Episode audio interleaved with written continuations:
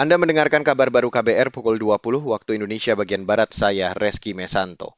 Saudara pemerintah meningkatkan akses pelayanan kesehatan berupa program jaminan persalinan bagi ibu hamil hingga bayi baru lahir. Program ini diatur melalui instruksi Presiden nomor 5 tahun 2022. Peraturan program jaminan persalinan ini berlaku sejak dikeluarkan pada 12 Juli lalu. Dikutip dari rilis Sekretariat Kabinet, peraturan ini diterbitkan untuk meningkatkan akses pelayanan kesehatan bagi ibu dan bayi baru lahir yang memenuhi kriteria fakir miskin. Program ini juga diterbitkan untuk menekan angka kematian ibu dan anak saat melahirkan.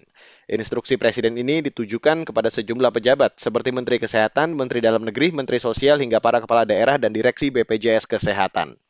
Beralih ke berita selanjutnya, Saudara. Aplikasi Kesehatan Peduli Lindungi yang saat ini digunakan untuk pemantauan pasien COVID-19 ke depan akan dijadikan sebagai aplikasi catatan medis masyarakat Indonesia.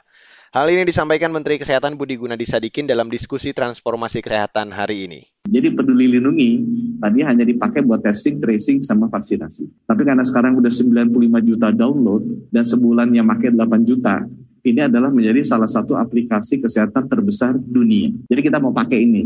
Nah, sekarang masukin imunisasi anak bayi masuk. Nanti saya masukin hasil tes darah dia harus masuk. Dia orang bisa lihat. Nanti kalau dia check up di Pondok Indah harus masuk. Sampai termasuk hasil CT scan-nya, MRI-nya masuk semua. Menteri Kesehatan Budi Gunadi Sadikin juga mengatakan setelah semua data bisa diakses dengan baik melalui aplikasi Peduli Lindungi, maka akan diintegrasikan pada platform lain seperti Apple Health, Samsung Health, dan lainnya.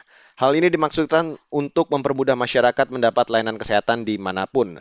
Dengan begitu, catatan kesehatan pribadi bisa dilihat dan langsung ditujukan atau diakses fasilitas rumah sakit di mana pun. Saudara pemerintah mengalokasikan anggaran sebesar 25 triliun rupiah untuk subsidi pupuk. Dana tersebut diperkirakan dapat menjangkau hingga 16 juta petani.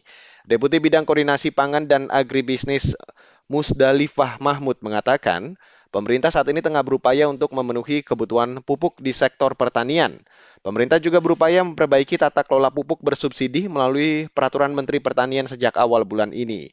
Dalam bilet itu, jenis pupuk dan komoditas yang disubsidi akan dibatasi. Pupuk-pupuk yang mendapatkan subsidi dipangkas dari tujuh menjadi dua jenis, yaitu urea dan NPK. Dan saudara, demikian kabar baru saya Reski Mesanto.